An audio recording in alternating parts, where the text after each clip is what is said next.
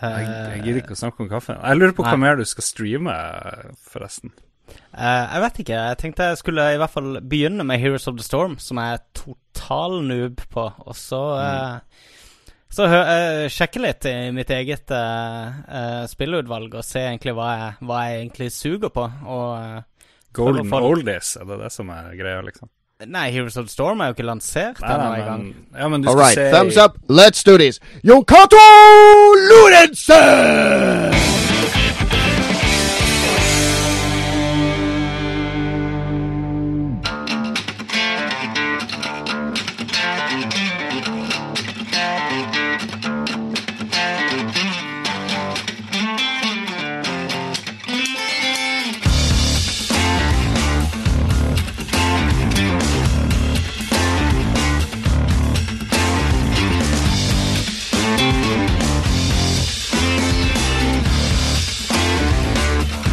Cato Lorentzen, altså. Det har ikke den samme svungen over seg som Leroy Jenkins. eh, hva syns dere, Magnus og Lars?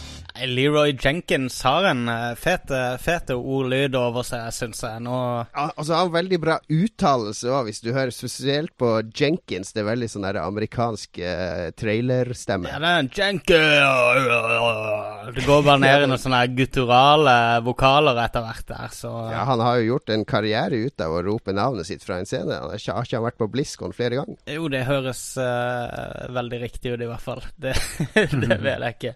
Jeg husker godt da videoen kom. Um, jeg husker at jeg lo høyt av den videoen og syntes det var dritvittig. Uh, og så husker jeg fem år med ja, med andre som har ropt det høyt og syntes det var dritvittig. Ja, for det er litt det, derfor vi snakker om det i dag. Det er faktisk ti år siden denne uka at Leroy Jenkins-videoen eh, for første gang dukka opp på nettet. Og Leroy Jenkins ble et begrep. Og vi, har, vi har kanskje noen lyttere som ikke vet hva vi snakker om, og det, det er snakk om en video da, der det står eh, en gjeng i World of Warcraft og gjør klar til raid. Og så står de og planlegger og går gjennom en masse statistikk. Og så plutselig så er det en av de som bare roper ut 'Let's do this!' Og så Leroy Jenkins, og så løper han inn til bossen.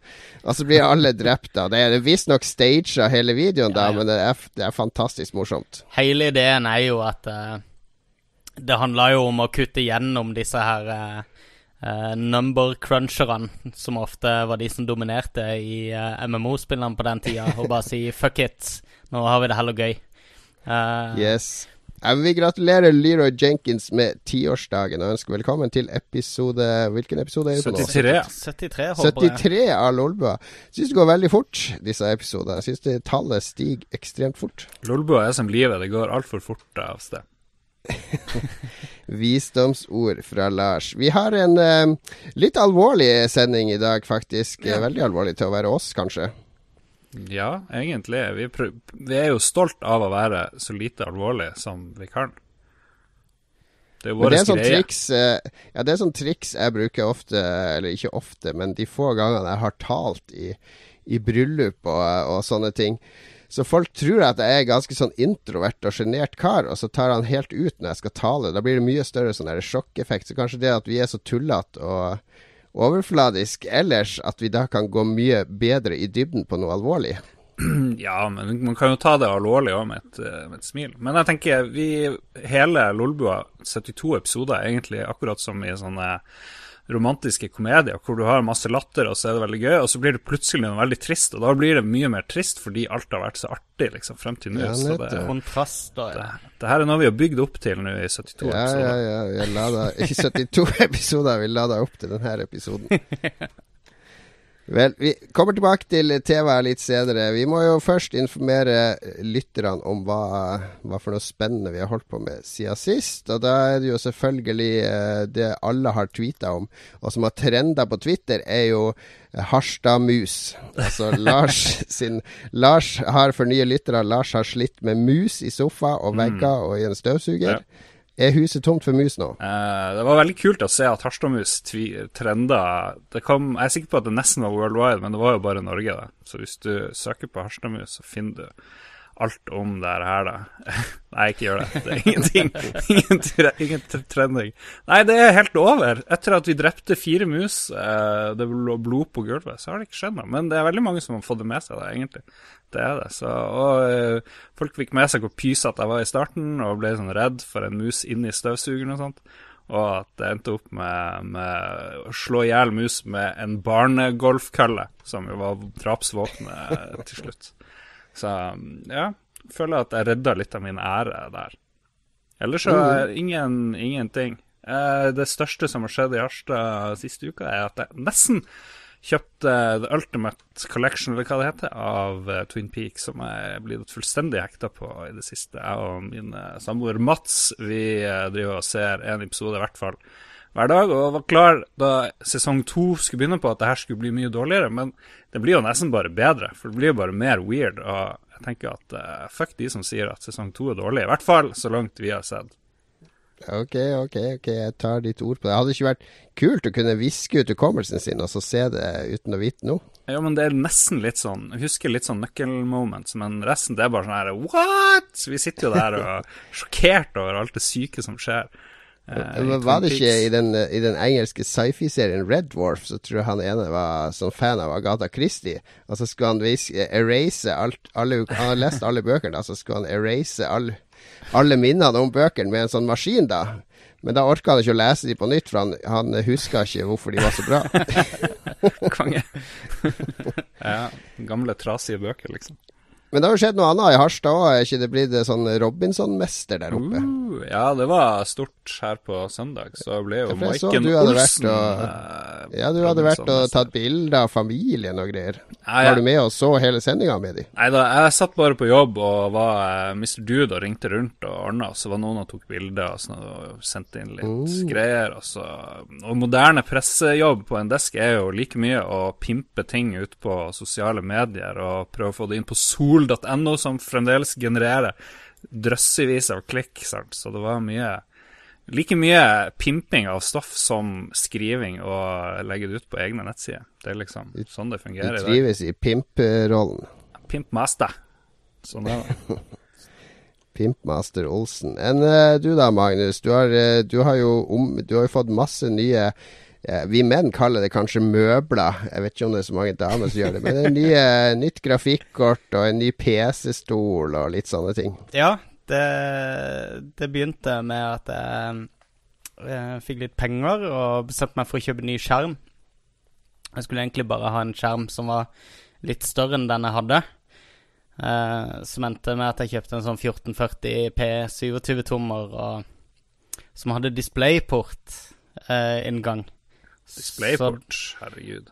Ja, så da måtte jeg ha nytt grafikkort som brukte displayport. Og um, nye grafikkort uh, Altså, det er en ting å oppgradere grafikkort på en gammel PC. resten av PC-en føles så gammel Altså det er som å ta en nosejob på en veldig, veldig gammel person. Altså, det, det, ikke sant? det skriker ut at det, det der er en nosejob, så du begynner liksom å spikke på alt rundt det òg, ikke sant? Det er der det begynner. Så det begynte Så jeg gikk videre og tenkte ja, skal jeg ikke slenge på uh, Slenge på litt um, Litt kjappere prosessor, kanskje. Det syns jeg skal gjøre. Og da fikk jeg vite når jeg kom til butikken at hvis jeg skal ha ny prosessor, så, så er jeg nødt til å kjøpe nytt hovedkort. Uh, så da kjøpte jeg nytt hovedkort. da Så balla det på seg, balla på seg, balla på seg. Og så fant jeg litt sånn ram som jeg ikke har fått til å funke, og alt sånt her. Og nå sitter jeg med et, så, en liten monster-PC her. En liten eh, ekte hyllest til mesterrasen, som Jon Cato er så glad i. Nå har du meldt deg inn i PC Master Race? Eh, ja, og, og, jeg føler at mitt medlemskort i hvert fall er styrka ved at jeg har gått innkjøp av eh, endelig en gamingstol. ja, oh, ja, ja, ja. Som jeg føler alle de som følger med nå, dør jo etter å se den jævla gamingstolen. Ta nå Shows the money. Ta og Snurr litt rundt her jeg, jeg, kan ikke snurre rundt her. Jeg sitter, jeg sitter veldig beleilig til med mye knuselige ting rundt meg. Og det er ikke blitt helt ryddig i leiligheten etter at jeg bygde PC, skal jeg ærlig innrømme. Så det er et uh, work in progress, akkurat det. Men stolen er helt vill. En haug med forskjellige padding og juster, justeringsmuligheter overalt, som gjør at du kan tilrettelegge veldig til sittestilling og alt sånt der. Og overraskende rett i ryggen mens jeg sitter her i time etter time og gnomer foran min nye PC. Mega nice. Det er mye bedre å lese til eksamen i den, altså. Definitivt. Nå må jeg bare komme meg ut av stolen og til skolen for å lese på eksamen. Så jeg har fått meg en ny kaffemaskin i tillegg, da. Ja, ja, ja. Nå er jeg blakk igjen. Har du tatt ut, uh, har du tatt ut sånn her lån på forskudd fordi du projiserer? Jeg får sikkert 30 000 igjen på skatten pluss feriepengene. Nei, det var, det var faktisk penger fra arv til kjæresten min som da betalte meg litt tilbake. Så det var bonuspenger, sånn jeg så det. Nei, Så kjæresten din er død? er det du sier? Kjæresten min er død, ja, så jeg arva akkurat nok til Det var jo trist, det har du ikke sagt noe om. Nei, jeg hadde ikke tenkt det. Jeg hadde ikke tenkt å gjøre noe nummer ut av det. En sånn big deal, på en måte. Hvor gammel ble hun? Uh, hun ble 15. 90. 90. Ja, hun, okay, hun ene okay, ble nå ble det mørkt. Nå ble det mørkt der. Nå må jeg lyse, lyse opp det hele. Eh, det har helt glemt av hva jeg har gjort i det siste. Jeg har ikke gjort så utrolig mye. Jo, jeg har um, det, kan tease litt til, til neste sending. Fordi jeg eh, ble oppringt av eh, vår, vår venn, felles venn Kjell Gunnar. Mm. Eh, han eh, er jo eier av eh, kjent utested i Oslo som heter Tilt. Og så har han også en gedigen samling med retrospill og, og flippermaskiner og sånn. Og på lørdag så er det Retrospelsmessene i Göteborg. Der har jeg vært en gang før. En veldig, veldig kul messe med masse spillkultur og gamle spill. Og det er spill-DJ, og det er spillkunst. Eh, og det er mye kule folk der. Forfattere og, og til, ting og tang. Så Kjell lurte på om jeg ville være med, så meg og Kjell vi drar ned dit. Vi drar på fredag formiddag, og så blir vi på retrospillmessene hele lørdag. Og så kommer vi hjem lørdag ettermiddag kveld til, til Norge igjen. Tenk. Så der Tenk om du finner en uh, Parappa the Rapper-brødrister, Jon. det, det har vært mye sånn hjemmelagde ting der. For, Forrige, I fjor, eller forfjor når jeg var der, så var det noen som hadde laga sånne Space Invaders eh, coasters, altså sånn du skal ha under glass, som var utrolig lekre. Det var i sånn der eh, eh, lakka treverk med, med mønster på og sånn. Det var, var mye kule ting, så jeg skal definitivt se etter noen gaver til mine medprogramledere i Lolbua. Jeg har Jeg tenkte Jeg- jeg tenk, ja. Men, men jeg, men, før jeg glemmer det, jeg har fremdeles dårlig samvittighet, fordi da jeg var i Japan et semester, så ba du meg kjøpe Parappa the Rapper. Var det brødrister? Var det toaster? Vekkerklokke? Ja, ja. Det var et eller annet. Og så bare glemte jeg fullstendig av det, eller jeg vet ikke hva det var. Kom jeg tilbake til Norge med ingenting, liksom. Bare noe sånn fjas, liksom. Så det var Ja, men jeg beholdt jo hver eneste CD og alt mulig annet skit som du kjøpte der Ja, det borte. stemmer. Det, Det stemmer. det, det er på dynga nå, da. det ble i hvert fall Det er en annen historie. Men ja, nei, jeg tenkte å ta med Jeg skal lage litt en kommentar derifra for en avis og litt sånne ting. Men Jeg har med min eh, iPhone og tenkte å lage litt sånn lydreportasjer med meg og Kjell der borte fra, så vi kan bruke i neste Lolbua. Kult. Bra.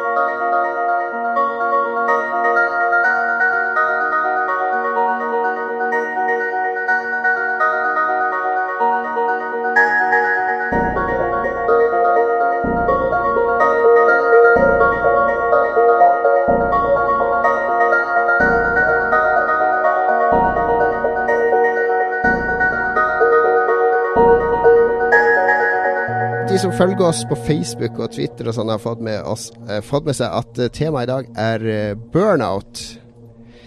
Ikke spillet, men vi skal snakke litt om folk som eh, går på en smell i spillbransjen og andre steder. Og eh, hvordan kom vi på det her temaet da, Lars? Vi spurte hva vi skulle ha som tema, og så ville du snakke om spille burnout. Det tror jeg var tingen. Eller, ja jeg trodde, jeg trodde, i hvert fall du ville snakke om spille. Nei, det som skjedde, var at, eh, at uh, Mattis Delerud, som, eh, som, står bak uh, Eller som var med i Team DOS, og som var med å lage spillet Size Matter, som vel er det eneste norske spillet eller filmen som jeg vet som har vunnet BAFTA. Mm. Um, han posta et blogginnlegg i helga om at han uh, var, følte seg utbrent, deprimert mm. og forlot spillbransjen. Og så dagen etter så posta Krillbite en bloggpost om at Ole Andreas Jorde, som, som er, har vært CEO og lead programmer og litt i Krillbite, også gir seg. Han er sliten og har hatt mye over hodet. Så tenkte jeg oi, det var mye på en gang. Kanskje vi skal snakke om eh, Det er jo ikke uvanlig i spillbransjen. Det er mange som, som hoppe av fordi at det er et veldig kjør. Og Det er veldig mye press, og det er sånn 24-timers jobb. Det er vel ikke uvanlig i mange andre bransjer heller, kanskje? Jeg vet ikke. Eller er det spesielt mye i uh, spillbransjen? Altså, Forrige gang vi hørte om dette med utbrenthet i spillbransjen, og sånn, sist det var en sånn uh, landeplage, var vel uh, da EA og disse her var under loopen for helt ville arbeidsforhold for sine ansatte. Ja, det er riktig. Ja. Funcom òg har vært under loopen ja. før, med flere tidligere Funcommere som har sagt eh, aldri mer spill, etter å ha jobba døgnet rundt i fire år og sovet under skrivebordet i to måneder og sånne ting. Men, ja, så, så nå er det indie-folka som, eh, som, begynner å Ja, det er litt spesielt. Og vi, vi har vært så heldige også i denne episoden at vi har fått besøk av Mattis Delerud fra, fra Team DOS. Velkommen, Mattis. Hei, tusen takk. Eh, vi kan jo snakke litt først om eh, hvem du er, for de som ikke kjenner deg. Hvor gammel er du? Jeg er 24 år gammel, blir snart 25 faktisk. Og så bor jeg for, for øyeblikket på Hamar. Jeg har vokst opp på Kongsvinger, vokst opp der fram til jeg var 19. Og så studerte jeg psykologi. Og så studerte jeg litt spilldesign. Så flytta jeg til Skottland. Så begynte jeg å lage spill, og så kom jeg tilbake igjen, og så har jeg bodd her. Nettopp. For det var når du var i Skottland at eh, du og teamet ditt eh, ble liksom med i denne Eller kom inn i denne BAFTA-prosessen? Ja, da var jeg med i en sånn spillkonkurranse som heter Dare to be digital. Uh, og så bare hadde vi ni uker på å lage ja, prototyp av et spill. Og så lagde vi ferdig det, og så uh, likte folk det mye mer enn det vi trodde de skulle gjøre. Og så, ja, balla det seg på bare, og så endte det jo bra, da. Eller men, ikke akkurat nå, da, men det endte i hvert fall greit. Da. Men Jon Cato, nå når vi har en ordentlig gjest, vi må kjøre Mark Maron-metoden her. og Du vet ikke hvem han er, men det vet jeg og, eh, det vet jeg og Magnus veldig godt. Og hva er Mark Maron-metoden, eh, Magnus? Altså, Det er jo en litt sånn eh, samtale som skjer av seg sjøl eh, på mange måter. En begynner i en ende og diskuterer smått rundt noe, mens, eh, mens en bare på naturlig vis havner inn på, på, emner som en da utbroderer på. Veldig sånn organisk samtale. Jeg tror det, er litt vanskelig med tre programledere og et intervjuobjekt. ja, men det, det, tenker jeg at uh, Lars kan ta den derre Mark Ekko-rollen. ja, det, det Nei da, mitt poeng er bare han, De som ikke har hørt han, de må høre han. Han er en morsom komiker. Han, han, eh, han er litt podcast. sånn den mannlige Opera på et vis. What? Så han han er en veldig fet Han er barndomskompis av Louis C.K., eller det vil si de ble komikere på likt. Og uh, han har en uh, serie som ikke er så veldig ulik uh, Louis, som går på Netflix, som heter Maron, som folk bør se. Okay. Og han har en av de mest populære podkastene i USA nå, som heter WTF, eller What the fuck, som han er glad i å ja. kalle det sjøl. Ja, den anbefaler vi. Men det, mitt poeng var bare at han er veldig flink til å ta sånne ting kronologisk, og så gror det litt sånn uh, Så du hoppa, Jon, rett fra liksom Å, jeg, var, jeg er så gammel, og så uh, gikk jeg på skole der, og så hoppa han rett i at han vant spillpris, og det er veldig dårlig dramaturgi, uh, vil jeg si. Ja, jeg, så jeg vil jo ja, så jeg vil jo, jeg vil jo, jeg vil jo gå litt tilbake og, og lure på når Mats du begynte med spill, liksom. Hva det var som gjorde at du havna der, på, på noe vis? Først som spiller, og så profesjonelt. Ah, ok, først som spiller, skal vi ta det? Ja, kjør på. Uh, jeg tror det første jeg spilte var Lemmings på Nes, tror jeg. Det var det første. Uh, broren min han var sånn supersvær gamer da jeg var liten, og så ble han voksen, eller noe sånt noe. Eh, og da fikk Så rett og slett jeg har bare fått alt han har hatt. Det har jeg bare fått litt sånn tre år et etterpå, da. Så husker jeg fikk Lemmings, og så spilte jeg det. Og det var jo noe av det kuleste som fantes. Uh, og så var det mange års pause. Jeg spilte litt sånn hos kompiser og sånn. Jeg fikk aldri spille sjøl, fordi broren min skulle alltid hogge konsollen. Uh, så alt var like kjipt. Uh, helt til uh, bror kjøpte Metal Gear Solid til PlayStation 1. Uh. Eh, fuck yeah. Mm. Eh, og da Ja, mange som begynte der, tror jeg. Eh, ja, det, det er det. Det er veldig mange som har begynt der. Så da bare begynte broren min å spille det. Og da husker jeg vi kom til det rommet rett før Ocelot. Du skal slåss mot Ocelot i den der kjedelige sirkelfighten. Um, og da husker jeg at han måtte stikke på do, og så la han kontrollen der uten å trykke på pause. Så tenkte jeg nei, nå er min sjanse her, tenkte jeg det. Så da plukka jeg opp uh, kontrollen, og så skjønte jeg jo ikke et kløyva ord engelsk. Kunne jo ingenting. Jeg var ni år. Det var 1999. Um, det var fryktelig dårlig engelsk. Så uh, prøvde jeg litt, og så kom bror tilbake, og da syntes han det var så- så fascinerende å se meg spille. Så da bare spurte jeg hva betyr det ordet her, og hva betyr det ordet her, og så videre. Og så spilte jeg helt fram til du møtte på Psycho Mentis. Og da begynte jeg å grine, og så gikk jeg. Å, shit. Mark Maron-metoden. Triumferer med en gang. Ja, men den gjør det, vet du hva? Jeg digger den formen der. Jeg har ikke noe imot at vi starter sånn her. Det er en glede, ja, det er en glede å være her nok en gang. Ja, Fortell bra. mer om sterke opplevelser i din uh, spilltilværelse. Ja, dårlig, dårlig spørsmål igjen her fra panelet. Må vi, må vi skjerpe oss.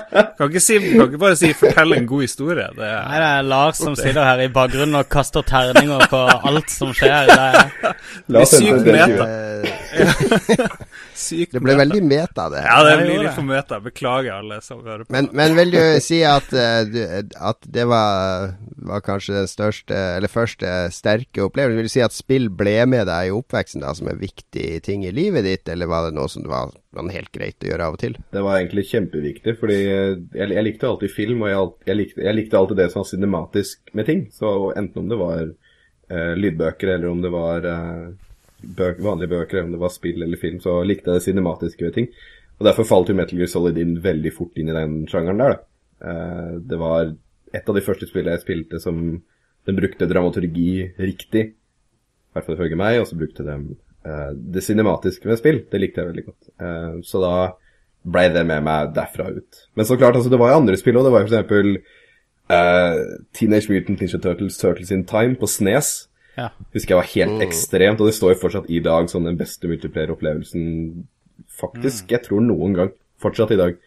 Kan fortsatt gå tilbake i dag og spille det og synes det er akkurat like koselig. Så jeg tror spill alltid har vært en superviktig del av meg. Både for bare ren underholdning og også for refleksjon. Et par spill som også gjør det. Hvilken eh, konsoll var det du kjøpte sjøl først? Eller var det PC du gikk på etter det? Uh, nei, det første tror jeg var PlayStation 3. Fordi da kom Metal Gear Solid 4 ut, og så kjøpte jeg bare fordi det skulle komme ut. Det var det første jeg kjøpte sjøl, så jeg venta ganske mange år. Jeg hadde ikke så mye penger, så jeg måtte vente litt. Hva du tenker om nye Metal Gear Solid-skjebnen? At ting ser ut til å gå helt til helvete? Det er så skummelt. Det er så skummelt. Jeg ble jo oppriktig bare sint når jeg fant ut at Silent Hills skulle bli kansellert. Hm. Det syns jeg var kjempesynd. Eh, å blande Del Toro og Kojima i et kunstverk, det er jo ja. I hvert fall for min del så er det oppskriften på suksess. Da. Det er jo, syns jeg virka så morsomt. Og Nei, jeg, jeg veit ikke hva som skjer med Konami om dagen. Det er jo bare så mye tull og fanteri som pågår. Eh, nå i går så ble det en Bloodstride, den kickstarteren til um, Castlevania Karen dratt opp, og Ja, nei, jeg veit ikke. Konami bare virker som de er bare fastbrent i fortida, bare. Det er jo bare tull. Ja, det er veldig weird å følge med på det der. Ja. Det er det. Det er bare helt surrealistisk. Jeg håper Ja, jeg håper det går bra, men jeg tror ikke det går bra. Jeg tror nok innen et år så er Kojima òg på kickstarter og håver inn eh, 30-40 mill. for å lage, eh, lage det vi, som vi vil at han skal lage, og ikke det som Ko Konami driver og kjører i grøfta. Tror du han kommer til å lage det han har lyst til å lage, ikke det Ja, det han har lyst til å lage, og det han kan få penger for. Altså, det er jo Baksida av medaljen med disse med Castlevania og det her som håver inn penger, er jo at de, de lager på nytt ting som spillerne eller kjernegruppa vil ha. Det er ikke så mye innovering der. Nei, det er sant. Det er veldig sant. Men det jeg virkelig gleder meg til, det er jo når Miyamoto blir skvisa ut av Nintendo, for da kommer han på kickstarter. Ja, jeg skal lage et spill med to, eh, Oh, to spanske rørleggerbrødre, ja. Så vi skal ha penger til. Narrativ Mario. På Xbox. Ja, Jeg, jeg Carlos eh, Carlos og eh, Super-Carlos Bros. Vær så snill, let it happen. Eh, Matt, Mattis, du, eh, hva du sa du var 24-25, var det? Noe sånt? Ja, fyller straks 25. Når var det du begynte å lage spill eh, for første gang? da? Og hva var det du Eh, prøvde deg på? det var egentlig ganske seint. Uh, der er også en sånn fin historie. det var eh, Jeg var på TG. Godt jobba. Bra jobba. Eh, det var mens jeg var på TG, husker jeg, i 2009. eh, og så lå jeg Da lå jeg under en, eh, lå under en krakk i en kafé og så. Og så NITH, eller gamle NITH, da, som nå er Westerdalsakt, de, um, de var på høyttaleren, og så skreik de, og så sa, du, sa de 'stå opp'. Så da sto jeg opp, og så sa de at de hadde spilldesignlinje, eh, og så at de skulle ha et foredrag i auditorium om det. Og da løp jeg bort dit i ja, hva enn jeg hadde på meg. Eh, og så hørte jeg på et foredrag, og så ble jeg litt sånn trollbundet, rett og slett. Jeg synes det hørtes ut som en fantastisk ting. Eh, Jeg har jo spilt spill hele livet, og så tenkte jeg hvorfor ikke da prøve å lage dem i tillegg. Uh, og så starta jeg på Anyto, og så begynte spillutviklinga der. Ok, På egentlig- skolen, altså. På skolen, faktisk. Jeg hadde aldri lagd noen ting av videospill før den tid. Så det var i 2010, da. Det er jo også du- du- nytt, er det ikke det? At, eh, at folk nå utdanner seg før de begynner å lage spill. eh. Tenker For noen år siden så var det jo gjerne selv, selvlærte som utgjorde mesteparten av, av utviklergjengen i Norge, i hvert fall. Mm, veldig òg det. Det er, det, er, det er kjempefint at de har begynt å faktisk lære opp folk til å gjøre det. Det eneste som er litt synd, er at man lærer kanskje ikke- helt de korrekte tinga som man egentlig har nytte av i senere tid. Man lærer fryktelig mye teori, og det er jo vel og bra, det, men det spillutvikling handler om, i hvert fall i begynnelsen, det er jo å drite seg loddrett ut hele tida. Eh, og det er jo sånn de aller fleste gjør det, og det skulle jeg ønske man gjorde litt mer. Så for eksempel sånn som game jamming, som dere sikkert har hørt om. Ja. Uh, det skulle ønske det var mye mer av i skole, og det har de måttet tatt til seg litt, veit jeg, men enda mer burde de ta til det. Hva var det første du prøvde å la, eller du måtte lage, liksom? Første oppgaven du heiv deg på? Praktisk. Praktisk. Det var eh, et brettspilldesign som jeg lagde, Uh, som het Dinosaur Nei. Jurassic Survival heter det. Uh, som fortsatt i dag syns jeg er ganske godt design, egentlig. Um, det var det første jeg lagde. Det var vel i andre klasse på NI2, var det. Andre klasse av tredje. Mm. Det var dritkult. Men du nevnte innledningsvis at du studerte psykologi først, så du hoppa av psykologi for å begynne med spilldesign. Var det sånn? Det Var det noe av psykologistudiene som du tok med deg inn i spillstudiene, føler du? Ja, veldig. Men ikke noe sånn Det er liksom vanskelig, fordi jeg, jeg kan ikke peke på det lærte jeg, det lærte jeg, det lærte jeg. Men jeg tror vi hadde jo alt mulig av sosialpsykologi, personalpsykologi, kognitiv. Vi hadde jo alt mulig rart. Så jeg tror som en daglig leder, og som en ja, en kreativ person, så tror jeg nok det var veldig nyttig å vite hvordan jeg skal forholde meg til de andre teammedlemmene og, og sånt. Det tror jeg absolutt. Det lærer de faktisk vekk eh, på BI, der jeg går også. Så har du organisasjonspsykologi eh, som Ja. en del av utdannelsen. Sponsored by BI. Sponsored by BI. Yes. Magnus får 1000 kroner rabatt på semesteravgiften hver gang han nevner BI. Som er, som er én promille. Class act. det. Er jo ingenting. Din semesteravgift er jo koster vel en mutter på russebussen din, Magnus? Er det ikke det? eh, det er helt riktig. Right. Men eh, var, var det tre år du gikk da på, på NITH? Ja, det stemmer. Det var tre år der. En bachelorgrad.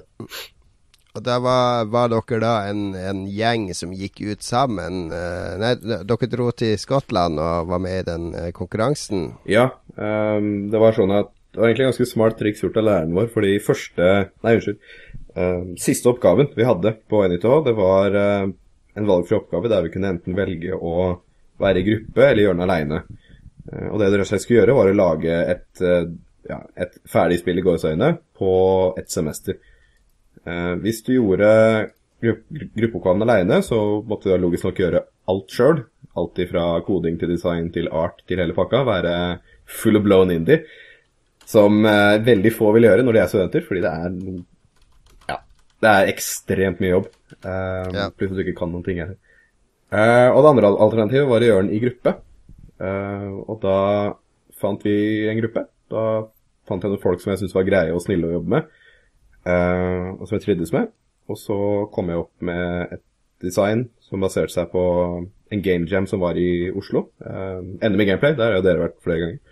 Ja, ja, ja. ja og da var jo tema størrelsen teller. Uh, så da lagde jeg 13 prototyper og konsepter som involverte peniser. Uh, Selvsagt. Så tenkte jeg at det tar seg ikke så godt ut på ja, offentlig i det hele tatt, tror jeg. Så det 14. designet, det var da Size Does Matter, som nå er ute. Du må komme til nordnorsk Game Jam, der er det kun peniser. det er det tema penis hvert år. Hva er tema i år? Nei, i år er det hestkuk. Du får litt variasjon inn i bildet. uh, så da bare lagde vi det. Og så ble vi med i da Dare to be Digital. Da applyer vi dit sammen med skoleoppgaven, og så ble vi tatt opp. Nice. Morsomt. Ja, der, derifra så, så, ble dere oppdaga, er det riktig å si, under den konkurransen? Altså Dere kom under en sånn BAFTA-vinge som, som One to Watch, var det så? Ja, det stemmer. Vi, ble er nominert til, sammen med to andre til The BAFTA Ones to Watch Award. Det. Mm, det må jo ha vært, uh, vært litt stort. Altså, var, var, det liksom en stein som var begynt å rulle, så dere bare hang med, eller følte du at det var det her dere hadde lyst til å gjøre? Ja, ja. Altså, akkurat da så føles det jo kjempenaturlig. Eh, og vi Jeg skal ikke virke kokke heller, men vi, vi, hadde jo en følelse på at vi kom til å vinne. Eh, mm. Vi syntes at vi sjøl hadde lagd et jævlig bra spill, og de andre sine var også veldig bra, men vi følte at vi hadde gjort litt mer enn det de kanskje hadde gjort. Og så startet denne steinen her å rulle, da. Eh, og rulla kanskje litt fortere enn det vi var komfortable med. Uh, men den rulla jo til en seier, så det var egentlig helt greit. Hva skjer etter da, når man vinner det her BAFTA? Det er jo sånn engelsk eh, pris for både hva er det, film og alt mulig rart, egentlig. Men lag... Ja, det er én film og én spillutdeling. Ja, lager man selskap da, eller eksisterte selskapet før, og leier man kontor, og liksom, hvordan går man videre der? Eh, nei, sånn det var, da, var at eh, når vi var ferdige i Skottland, så hadde vi lagd et spill på ni uker. Uh, og når vi ble da nominert til en BAFTA, så har man jeg tror det var fem måneder eller noe sånt noe, til å da å adde på features og rett og slett bare legge til content og gjøre spillet enda bedre enn det det var på slutten av de nye ukene. Uh, så da har man en viss tid på seg, og så ser de da på forbedringspotensialet fra prototypen til den du har ferdig. Uh, og da leverte man en da i den, og da vant man basert på det. Uh, og da så hadde vi ikke felleskontor, men da var vi spredt over hele Norge når vi lagde den. Mm. Var ikke mange? Vi var fem. Bare gutter, eller hvordan funker det? Vi var fire gutter og ei jente. Ja, okay. Ja, og, fi og, fire nordmenn og én brite. Mm.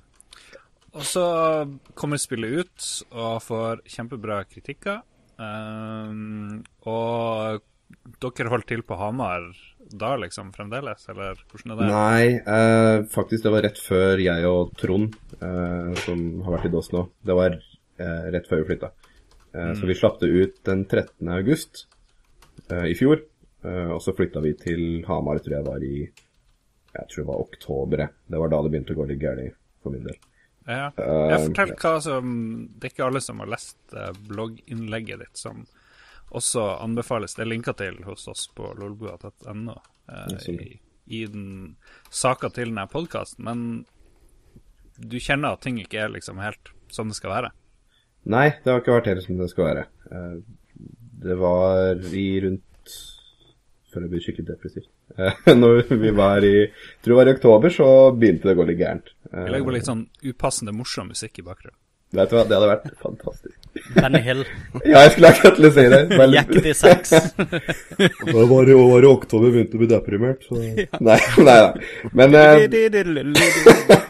Please do. Please do. Nei, det var i sånn rundt november, tror jeg. Oktober-november. Så bare da merket jeg at energien begynte å synke skikkelig, og jeg hadde ikke peiling hvorfor. Um, og så liksom ble det ikke noe bedre. Det bare ble verre og verre. Uh, og, og på den tida så tenkte jeg ikke at jeg var noe deprimert eller noe sånt. Jeg bare tenkte jeg var sliten eller ja, at jeg, at jeg, at jeg, at jeg åt gærent, eller hva pokker. Uh, og så lasta jeg ned Tinder, som så mange kjenner til.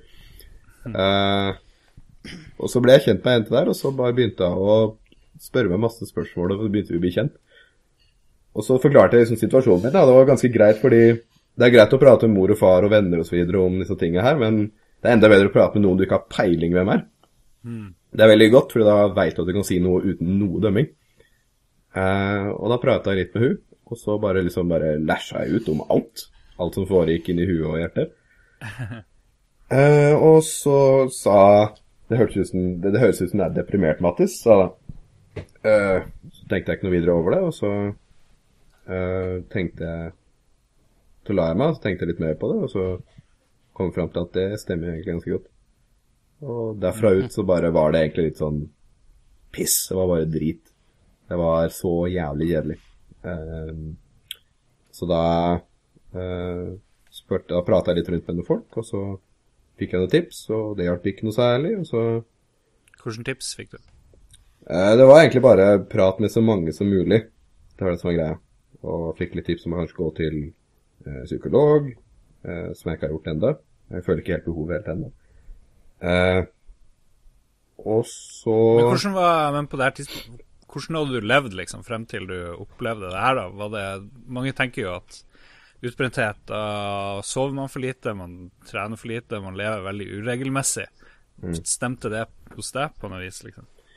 Ja, det, når du sier det sånn, så har det for så vidt stemt. Det med at det ikke var så mye trening. Men det med eting, det, jeg syns jeg har eti riktig. Det syns jeg. Eh, spist riktig har jeg. Eh, men det, det, er, det, er liksom, det, er jo, det er jo ting som kan på en måte fremskyve det litt mer. Men det er langt ifra det som er kjernen i problemet her. Mm. Det som var kjernen, var jo det at jeg har jobba i halvannet år uten pause. Det var det som var problemet her. Eh, og ja, veldig mye opptur uh, og veldig mye oppmerksomhet. Det var bare rett og slett en samling av veldig, veldig mye rart. Uh, og når man jobber liksom halvannet år uten pause, så har det det er, det er jævlig bra i øyeblikket, fordi du får gjort noe så latterlig mye jobb. Og jeg er sikker på at hvis jeg ikke hadde gjort så mye jobb, så tror jeg ikke Size Matter hadde blitt så bra som jeg syns det er i dag. Det tror jeg ikke. Eh, Men problemet på lang sikt er det at det går jo ikke, rett og slett. Det er helt umulig. Man treffer en vegg, som jeg gjorde, og så går det rett ned. Så. Var det, var det flere av dere som merka konsekvensene av all den eh, jobbinga, eller var det Var du aleine om, eh, om å brenne for raskt der? Jeg tror nok definitivt at noen av de andre også eh, føler det samme, men kanskje ikke Jeg vet ikke om det er like hardt som meg. I så fall har de ikke sagt noe høyt om det. Um, jeg, altså, vi har alle slitt litt, veit jeg. Og når alle jobber med en ting, som i dette tilfellet er spill, så intensivt som vi har gjort, så, så klart det blir jo kranglinger, og det blir jo mye følelser, og det er ikke til å unngå. Hvis ikke så hadde ikke spillet vært det det er, hvis man ikke gjør sånne ting. Um, så jeg tror nok alle har vært rimelig slitne. Uh, det tror jeg nok absolutt. Uh, noen er bedre til å ta pauser. Jeg vet uh, mange av de andre teamene har tatt seg ferier, eh, som har vært helt ok. Eh, tatt eh, mye mer tid til venner og familie, som jeg bare dreit i, egentlig. Jeg tenkte ikke noe over det. Jeg tenkte bare at nå jobber vi, og så får vi dette ferdig, og så kom jeg på det at spill blir ikke ferdig så veldig fort. og da gikk det litt nedover, så det er vel det som er greit. Ja. Og så prøvde du, etter det jeg skjønner fra innlegget ditt, så prøvde du å Du tok deg kanskje litt pause, men så vendte du tilbake rundt juletida, var det det, eller noe sånt? Ja, eh, Og så, men så merka du at det var ikke så veldig bra likevel. Og så tok du avgjørelsen Eller vi fikk vite om avgjørelsen, i hvert fall jeg da, på søndag, da du la ut det blogginnlegget. Men når tok du avgjørelsen at du skulle tre ut som utvikler, og, og avrunde det, i hvert fall foreløpig? Det var i ehm, Det var på Rett etter jul, var det. Fordi som du sjøl sa, jeg var borte i jula og tenkte kanskje at Fordi like før jul så var jeg på kanten til å slutte, jeg hadde veldig lyst. Men så tenkte jeg at vi gir jula et forsøk. Eh, drar Vi er hjemme i jula, og så er jeg med familie og venner og de jeg er glad i, og så ser vi om det hjelper. Eh, men det, det hjalp ikke i det hele tatt. Det var jo Det ble ikke verre, men det ble ikke noe bedre heller. Eh, så kom jeg tilbake til Hamar, og så var det ikke noe bedre da. Så da bestemte jeg at nå bare Nå slutter vi. Så det var rett etter jul. Januar en gang til. Ja.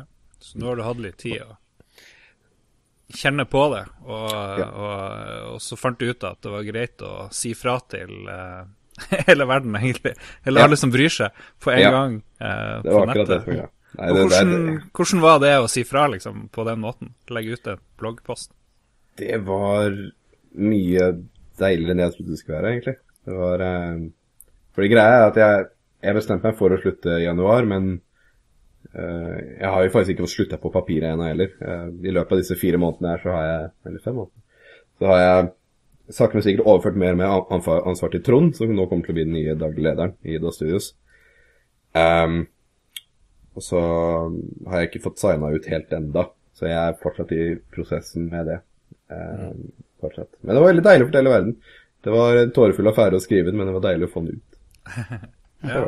Så bra. Det er jo ganske modig, da. Jeg tenker at Jeg vet ikke om jeg hadde eh, kunne gjort det samme. Jeg har jo opplevd litt, eh, litt det samme. Jeg jobba ikke i et år eller halvannet år, men da jeg først begynte å jobbe fulltid, så jobba jeg jeg tror det var sånn tre måneder uten stopp og overtid hver dag-aktig, og så bare kjente jeg oi, shit, det her går ikke. Så tok jeg noen uker ferie, måtte jeg gjøre, eller sykemeldte meg, og så kom jeg gradvis tilbake. Men du, du hadde store reserver å kjøre på, så du liksom holdt på helt sykt lenge.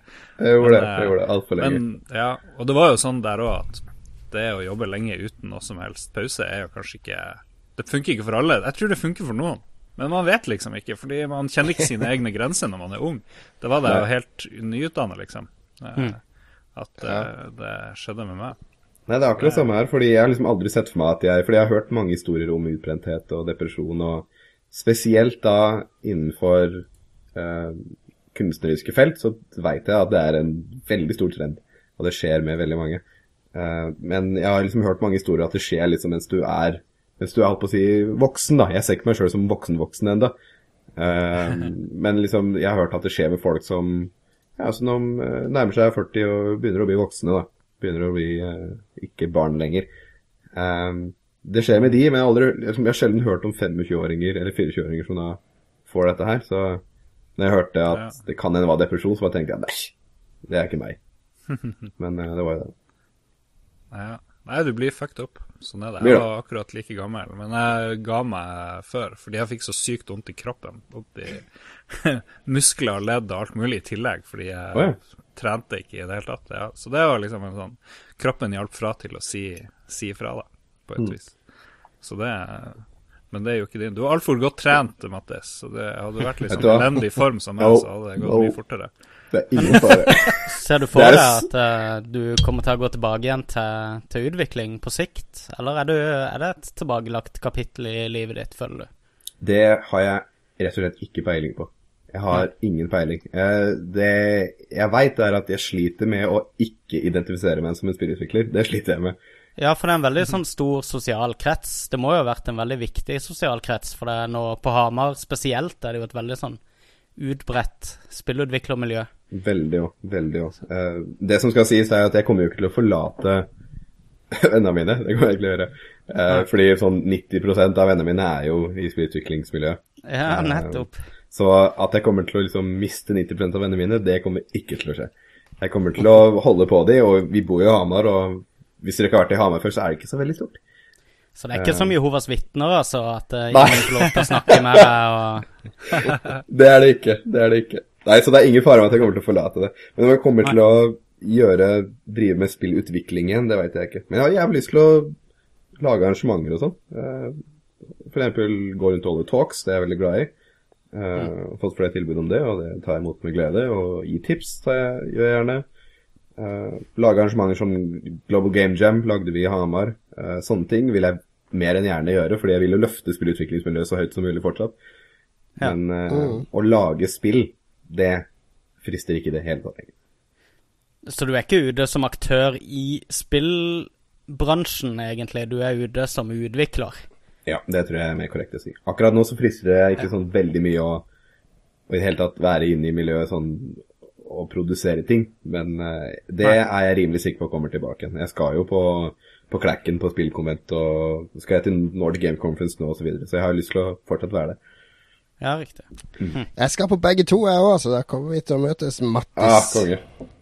Det er veldig har- godt. og, Lars, du skal òg komme på Klekken i år. Ja, jeg har ikke fått sånn 100% bekreftelse fri fra sjefen, men jeg tror han bare skal være litt Jo, jo, jo, kostbar, jo, jo. så jeg, jeg tror det går bra. Han, han ser ikke på det. Men eh, vi har flere spørsmål og folk som har ting å tenke på rundt det med utbrenthet i spillbransjen og generelt. Jeg vet ikke om vi skal ta en, eh, en little break, og så Vi kan ta en vi eh, pause, og så snakker vi om, eh, litt om hva vi har spilt i det siste. Og så tar vi lytterspørsmålene.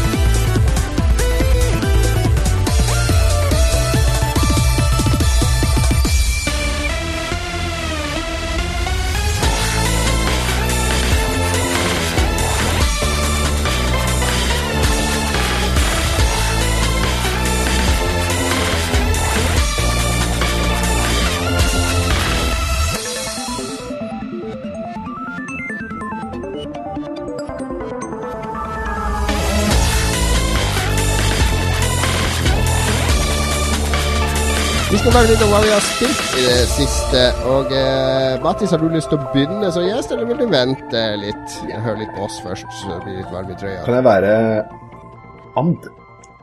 Du kan være and. Ja. Hvem vil være Da kan Magnus, som ikke har skrevet noe som helst, vil du være først, Magnus, eller har du ikke spilt noe? Jeg, jeg har spilt en hel haug. Jeg har jo kjøpt meg ny PC. Så jeg har jo gått amok på eh, Steam og Good Old Games og Humble Bundle, som for øvrig har som uh, vårsalg for tida. Eh, nå husker jeg ikke hvilken av sidene. Jeg lurer på om det var på Humble Bundle. Jeg endte opp med å kjøpe et spill jeg egentlig har venta på å spille på PS4, som er rett rundt hjørnet på PS4, som heter The Vanishing of Ethan Carter. Som Jaha. som er et uh, førstepersons uh, eventyrspill satt i en åpen verden. Er ikke det sånn spill som får sånn kritikk for å være sånn ikke-spill? Altså, det, vi bare går rundt og ser, liksom. Nei, det er ikke helt riktig, det. Det er um, Det var vel sånn det ble oppfatta når det først ble vist frem. Mm. Uh, etter hvert så har det vel faktisk gått helt andre veien og blitt litt kritisert for å være for lineært i historiefortellinga. Men spillet er veldig kult lagt opp. Du har hele tida en fornemmelse av en åpen verden, og du føler at idet du snubler over et, et clou, da Du er på leiding etter en liten gutt som heter Ethan Carter, og du er da i rollen som en eh, etterforsker med overnaturlige eh, Ja, relativt overnaturlig Hva skal du si? Mavefølelse, i hvert fall. Eh, intuisjon i forhold til Nå tenker jeg Twin Peaks med en gang her. Ja, ja, men Ja, det er ikke jeg, så jeg tenker sånn der uh, detective vision i Batman. Er det det du mener med overnaturlig? Nei, tenk, tenk eh, Altså uh, du finner typisk Hele spillet begynner med at du finner et lik som ligger Som har fått beina kappa av av noe togspor, og som er liksom slept et stykke ned i skogen da, og har fått smasha huet. Ganske mye på en gang. Mange elementer. Så begynner du å se det er Twin Peaks med en gang der òg. Ja. det, er Ja, eh, der Settinga er litt sånn som Twin Peaks, bare uten noen mennesker. What? Eh, det er som om Alan Wake ble skrevet av Clive Barker, kanskje. Mm. Uh, en sånn type setting. Typisk satt ut i en veldig sånn øde eh, liten samling med hus rundt noen store demninger og noe sånt. Og, clouet da er at du du går rundt og finner sånn åsted med, med døde mennesker, da. Og, og du finner da clues etter hvert. Så det første, første oppgaven din er alltid å, å sette sammen, altså rekonstruere eh, åstedet. Eh, når du er ferdig med å rekonstruere åstedet, så vil du få muligheten til å sette sammen alle disse hendelsene. Uh, for det, du har jo da uh, konkludert med en rekke forskjellige hendelser som har skjedd. Men da må du sette disse hendelsene i riktig rekkefølge for å da få avspilt en filmsekvens med hva det er som har skjedd. Det som er kult, da, er at eh, du får på en måte slutten av historien fortalt først. For, for å ta det Så det er veldig forvirrende liksom, rekkefølge på eh, Eller sånn kronologi i historiefortellinga. Men litt etter litt så begynner begynnelsen å få mening etter hvert som du jobber deg inn i spillet, jo mer du får vite av begynnelsen. da. Så det er liksom memento over måten du, du Ja, lærer om det memento, som skjer. jeg på det. Men det, føles det som noe nytt og spennende?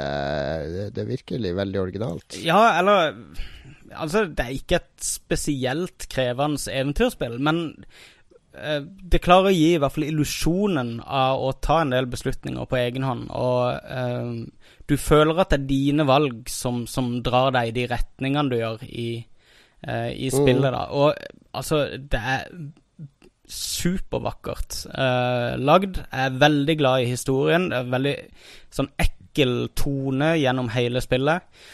Det tar en kveld å runde, så um, Ja, det er helt perfekt. Det er for, for i hvert fall for folk i min alder. Helt strøkent. 60 år, da- da, det- da er det veldig bra. Men uh, Magnus, Ja. du skrev på uh, sosiale medier at du skrudde av, eller du liksom ble skikkelig forbanna og reiste deg og Nei, begynte å nei, ikke gråte for- og skjelve, eller det var et eller annet sånt som skjedde. Nei, nei, nei. Det, det som skjedde, var Ikke sant. uh, når jeg spiller denne type spill eh, Det nærmeste du egentlig kommer i sånn umiddelbar uh, følelse, er jo egentlig Myst. Eller sånn Det Myst prøvde å være, det er egentlig det Vanishing of Ethan Carter i utgangspunktet gir seg ut for å være, da. Uh, på ett sted i spillet Så jeg skal jo ikke spoile det, men på ett sted i spillet så uh, endte jeg opp med å eh, jeg ropte høyt ut i leiligheten. Jeg satt helt alene og spilte. Men jeg, rop, jeg ropte skikkelig høyt og tok hendene til hodet mitt. som var en veldig kul sånn der fighter-fly-mekanisme som jeg feila Wow. hardt. Eh, der jeg bare skjøtta ned systemet. Jeg, jeg, jeg skvatt så jeg holdt på å begynne å grine. Men det var bare det lille øyeblikket. Jeg fikk frysninger. Du inntok Wow. fangeposisjon og klarte å bli skutt i bakhodet, akkurat sånn som Hadde jeg hatt- sitter nå på video. Hadde jeg ikke hatt en så solid gamingstol og eh, jeg Jødeposisjon, satt der, så hadde jeg ramla i gulvet og ligget i fosterstilling. Uff da. Eh, men jeg ble Nice. redda av gamerstolen. Ja, nei, men det, det, det er et spill jeg har hatt på skal spille-lista mi lenge. Mm. Det er delvis også fordi eh, han som står bak det, han, han heter Adrian Chmielas. Ja, polsk navn, da, så det er sikkert uttalt helt feil. Men han, eh, han er det mannen bak Bulletstorm, hvis du husker det skytespillet Yes. til, eh, til Epic. Oh yes. Eh, fordi han med, Jeg var på sånn Bulletstorm-tur, og der var Cliff Blesinski og han der Adrian. Og han Adrian han var svær polakk eh, som eh, tydeligvis ikke Jeg tror ikke han trivdes så godt å stå i skyggen av lille Cliff. Som, Cliff var liksom han som fronta det spillet, da, mens det var Adrian og de som egentlig hadde laga det. Ja. Så du merker at han hadde mye visjoner utover det å bare lage spill i skyggen av Cliff. Så, så han gikk jo ut av Bullstorm Studio og starta Astronaut, som står bak det spillet her. Apropos Cliff, hva heter han fyren på T-skjorta di, Jon? Han heter Tony Clifton. Han er uh, International Entertainment Sensation, Tony Clifton. Det er uh, Google it. Vi skal ikke gå inn på Tony Clifton her nå. Men altså, sammenligninga til Bulletstorm er, er, Det er to spill som er veldig langt fra hverandre mellom Bulletstorm og The Vanishing of Ethan Carter. Jeg digger Bulletstorm. Jeg elsker Bulletstorm. Men her så har du uh, Altså, Bulletstorm, det som er veldig kult med det, er åssen ting er veldig sånn in your face hele tida. Det er veldig slapstick mm. egentlig hele veien. Uh, mens dette spillet så har de mer tatt, hen, eller tatt sikte på veldig sånn minimalistisk historiefortelling. Det er veldig opp til deg sjøl åssen du opplever egentlig Åssen um, du opplever historien, og hvilke konklusjoner du trekker underveis, er veldig opp til deg sjøl. Hvis du kommer over et clou, f.eks., hvis du ser et uh, spor i bakken, så kommer det bare opp noen stikkord som da vil svirre rundt dette sporet. Og det er sånn mulige årsaker til dette fotsporet som du da kan velge å forholde deg til når du skaper historien på egen hånd. Og det står jo veldig i kontrast til Bulletstorm, som bare er sånn her in your face superaction med høy uh... Nå er det mange subtile undertoner i uh, Bulletstorm, men det er til vår Bulletstorm spesial i episode 93, har jeg skrevet på, på agendaen vår.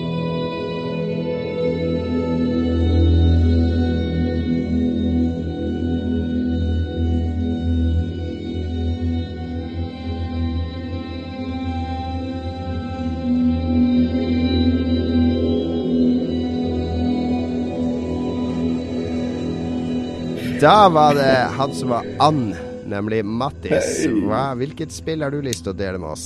Um, jeg tror det er to, hvis jeg kan få ta begge veldig kort, bare. Ja, kjør på. Yep. Nei, det, det, ene er Titan Souls, har jeg drevet og begynt meg ut på.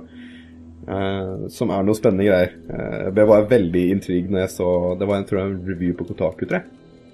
Uh, så Titan Souls, det er 2D, top down, open world, boss fight-spill. Uh, og det er vel egentlig bare en kombinasjon Hvis du slo sammen de beste delene fra Shadow of the Colossus med Dark Souls, så får du Titan Souls. Uh, så det er jo Det ser veldig ut som sånn old school Zelda med det ovenfra-looket og litt sånn tiles og sånn. Det gjør det. Og det her Nei, gamefilen er helt fantastisk. Du kan gjøre Skal se hvor mange ting du kan gjøre. Du kan bevege deg i alle retninger. Du kan uh, rulle. Du kan skyte. Du kan trekke til deg pila. Og det er det du kan gjøre. Uh, så kan du løpe etter ja. du har rulla, hvis du fortsetter å holde inn knappen. Så løper Stemmer. Og så kan du løpe. Det oppdaga jeg ikke før en kompis spilte det. Uh, det har gjort ting veldig mye enklere.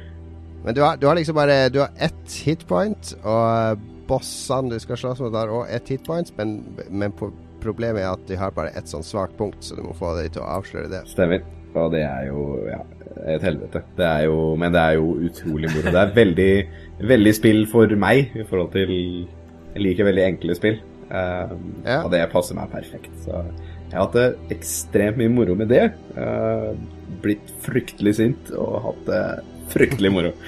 Uh, så det anbefaler jeg på sterkeste. Det koster deg vel en sånn Jeg tror det koster deg en hundrelapp, jeg tror. Jeg tror ikke det er noe mer enn det. Ja, jeg anmeldte det på Level Up. Jeg likte ja. det veldig godt. Det, det, det er liksom sånn, sånn distillert uh, bossfight-opplevelse som bare skal ivareta den det, det mest uh, lykkelige øyeblikket i alle actionspill, nemlig når du får inn siste slag. Åh, det er så deilig om du faktisk får det inn. Den er, er, veldig, er det mange bosser i det spillet, da, forresten? Unnskyld, jeg avbryter deg, Mattis. Nei, nei, uh, jeg veit ikke hvor mange Hvor, hvor, uh, hvor, hvor mye har du spilt om, Cato?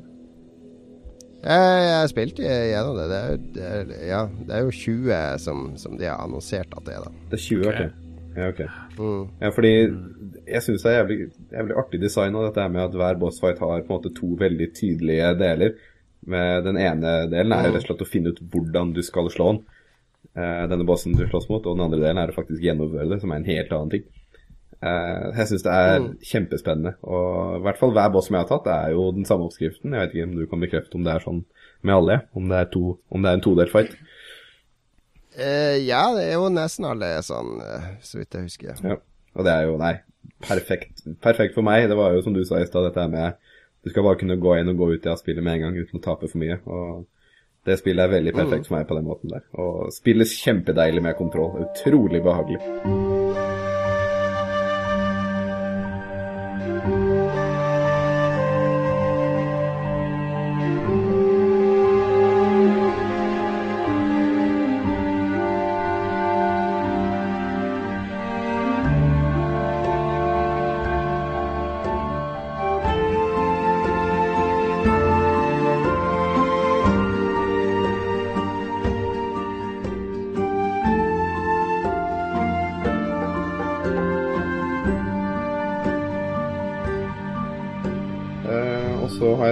Spilt et spill veldig mye siste som er Johan Sebastian Joust.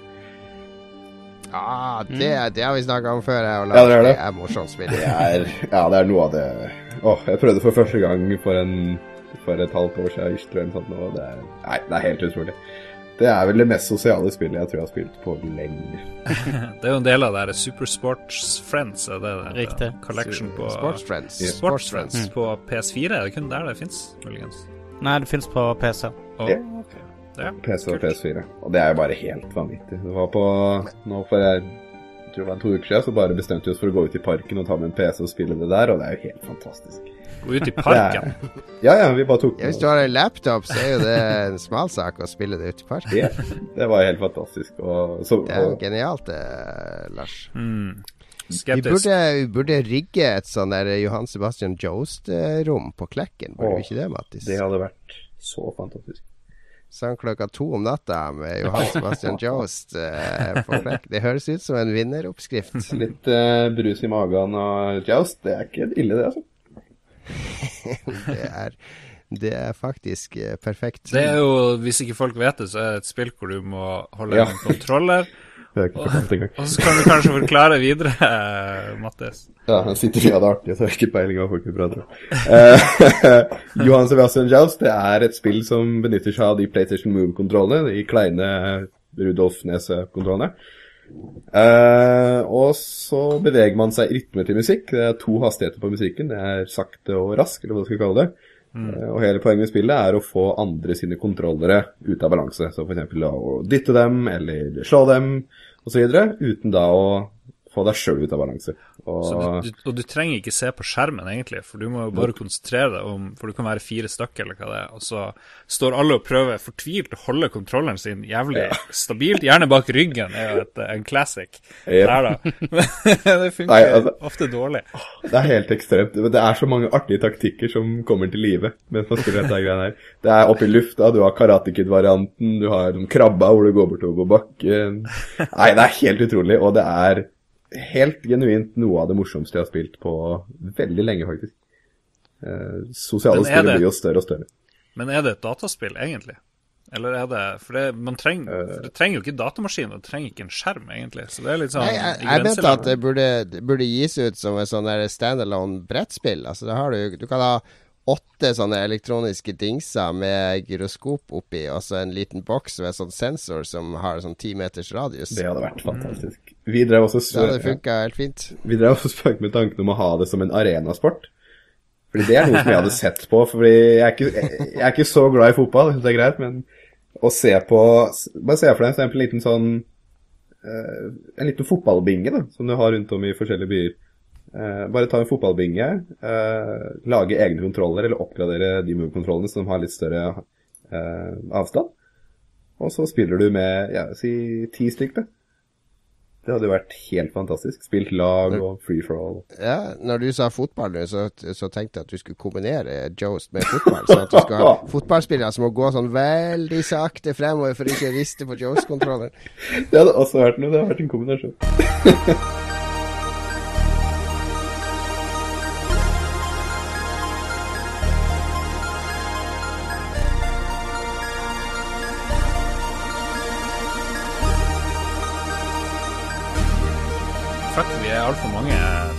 Jeg kan nevne kjapt. Jeg har prøvd et mobilspill på IOS. Det finnes kanskje til andre ting. Det heter, hvis jeg klarer å finne hva jeg skrev, et eller annet med Tower. Arcane Tower. Arcane Tower heter det. Og det ligner veldig på det der eh, 868 Hack. Hack 868, eller hva det heter. Å noe. ja, ja. 868 Hack er sånn grid-basert Ja. Du, er- du, I 868 Hack så er du jo en slags hacker, og du beveger deg inn i et dataprogram. Du er en sånn dings, og så kan du du kan enten gå opp, ned, eh, til høyre eller venstre, og så er det fiender som nærmer deg. Ulike sånne programmer. Og så, Hver gang du gjør et trekk, så nærmer ja, seg. hver gang du beveger deg, så beveger fienden seg. Så må du liksom, liksom eh, time der. Men du kan også bruke tid på å støte i en vegg og plukke opp en power eller et eller annet sånt. Mm. Og det her er litt det samme, men du er en sånn eh, wizard som skal gå oppover og oppover i et tårn. Så kan du plukke opp fireballs og sånne web-ting. og det, det, virker litt enklere enn det her 868 Hack. Og det, det, kom for ikke så veldig lenge siden, og det er veldig veldig gøy. Men som vanlig er jeg jo elendig på de spillene hvor du må tenke veldig mange trekk fremover. Men det er kjempegøy for det. Så det anbefaler jeg til folk som har litt tid til overs og vil ha et solid, men veldig enkelt eh, lagd. Veldig enkel grafikk og alt mulig. Eh, Veit du, du, om det er på Android, da? Det aner jeg ikke. Jeg har liksom ikke giddet å sjekke det. Jeg skal anmelde det denne uka, så da, da, må jeg sjekke det. Men jeg har ikke kommet så langt. for guds skyld sjekke om det er på Windows-telefonen. For gang jeg unnlater å skrive at det heter Windows, så får jeg mail fra noen. 'Hallo, hvorfor har du ikke skrevet at jeg er på Windows?'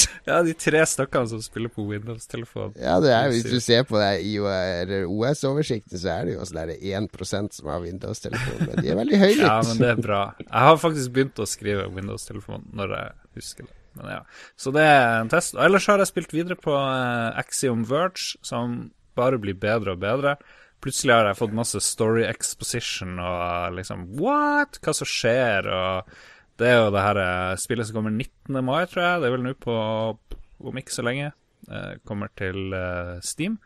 Så alle som ikke har hatt PS4 og som har lyst til å spille verdens beste Metroidvania akkurat nå, knuse Guacamele og alt mulig annet.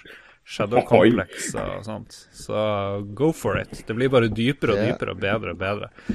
Og hør, sjekk ut forrige Lolbua, der vi, vi snakker yeah. ganske mye om yeah. Axiom Verge. Så. Jeg skal kjapt ta mitt spill. Jeg har spilt noe som heter Snakebird. Eh, en veldig fin tittel, da. Slangefugl. Eh, det er fordi eh, vi har jo vi, vi, vet jo hvem Jonathan Blow er. Han er jo utvikleren bak Braid, og som nå holder på med Witness. Og han av og til på Twitter så, så anbefaler han eh, litt sånn halvobskure puslespill. Blant annet jeg har oppdaga et par sånne rare spill som egentlig har, er veldig kule via han. Og, og Snakebird er et spill som han tweeta litt om. Og her skal det være Alle har spilt Snake på mobilen, ikke sant? Du, du skal være en slange da. Altså hver gang du spiser en frukt, så blir den et hakk lenger. Men det er veldig sånn Mario-tegnefilmaktig 2D-grafikk, da, med sånne tjukke slanger med litt rare fjes og øyne som ser seg rundt. Og fine, barnlige farger. Men, men, du har gravitasjon, da. Så den slangen din, skal Du prøver Du kan gå høyre, venstre, opp og ned. Og da går han liksom én rute i den retninga.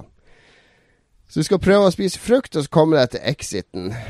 Så har, og så har du gravitasjon, da. Altså hver gang du mister underlaget fordi du går framover eller noe sånt, og så detter han ned.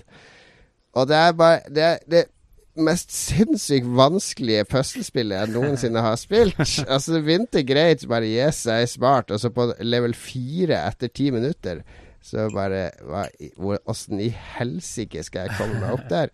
Og Det er sånn skikkelig sånn knotete, fordi hvis du snurrer deg, kveiler deg rundt så at du kommer inn i deg sjøl, så har du plutselig laga en sånn ball, og så Men du kan hele tida spole tilbake ett og ett trekk. Hm.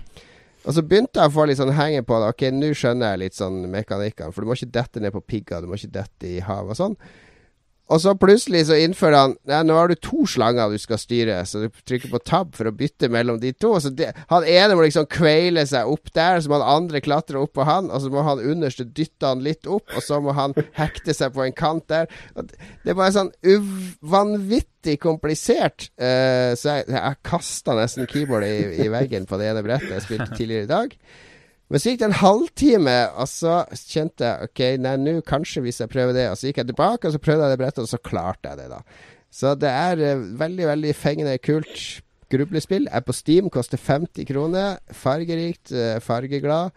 Det har bare sånn thumbs up under der, fordi alle som har gidda å se forbi de her uh, eh, barnegrafikken og alt mulig annet som, som umodne folk dømmer spill nord og ned for. De har funnet et briljant og originalt gruble-puslespill. Så Snakebird anbefales varmt. Wow, det hørtes veldig bra sagt. Og ja, det hørtes dritartig ut.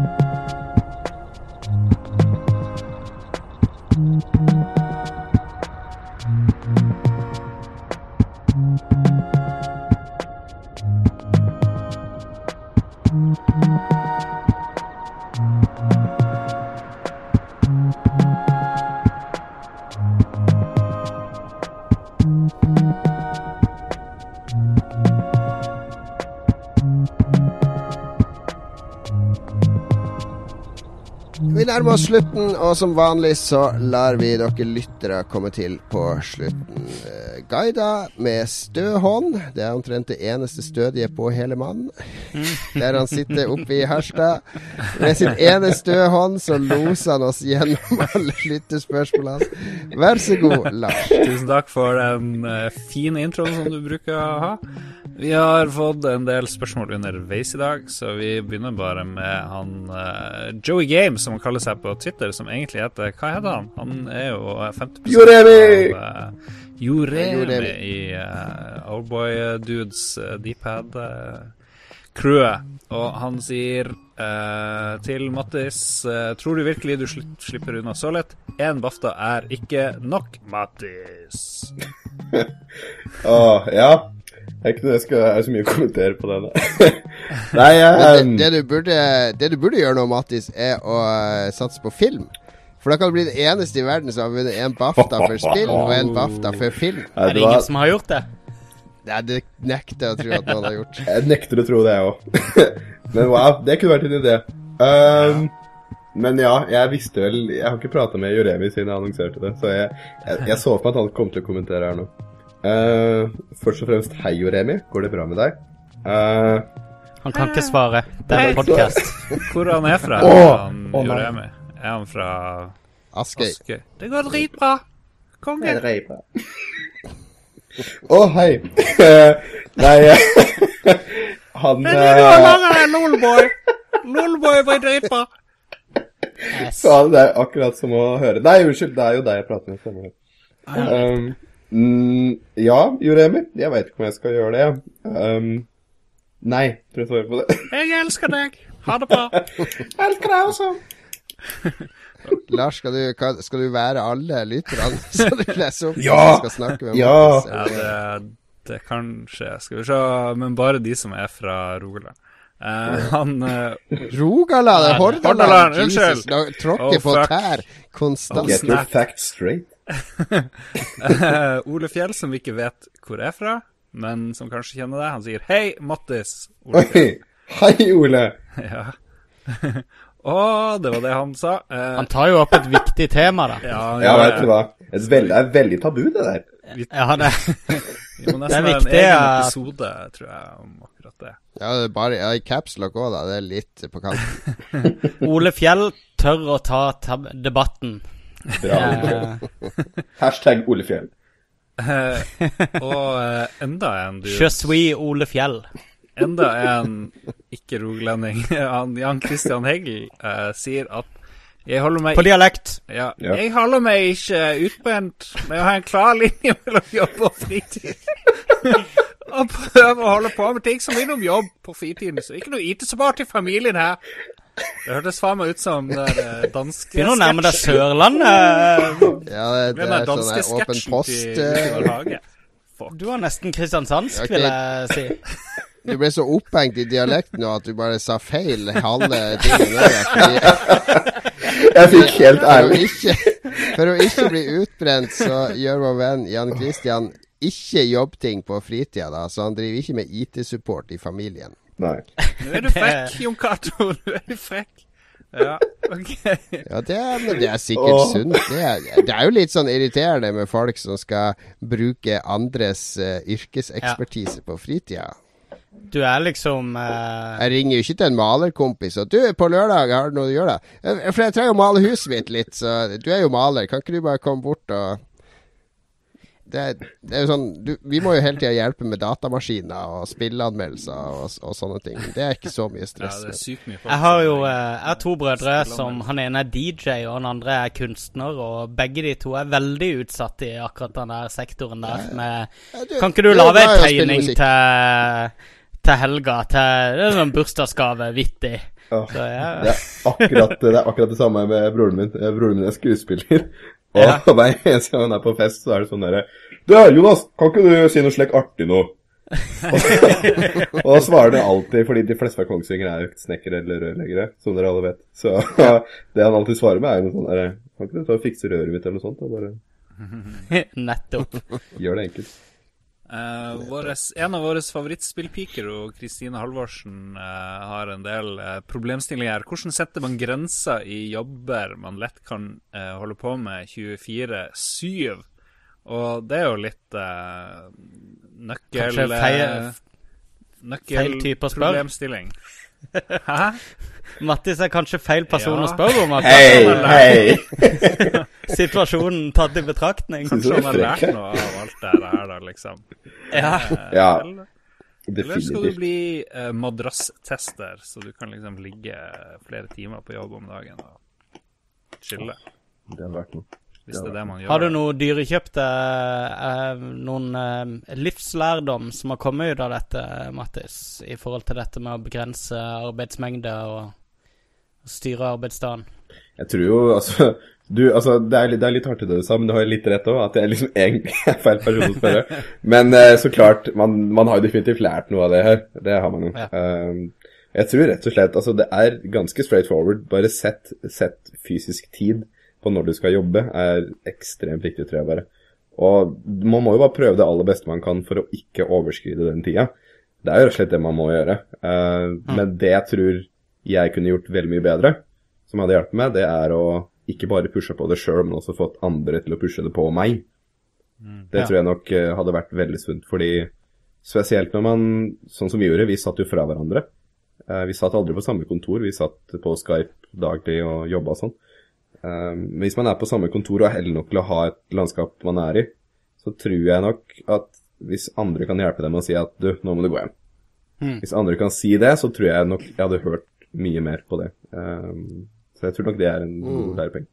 Jeg kan jo si Jeg at det- ja. uh, sånn jeg gjør det nå, da Det er kanskje litt, uh, litt sånn svak sammenligning, men jeg er jo midt i eksamenstida, som gjerne kan ende opp med at en, eh, en overkjører sine egne grenser ganske betraktelig i, eh, fordi en er engstelig for ikke å vite nok til eksamen osv.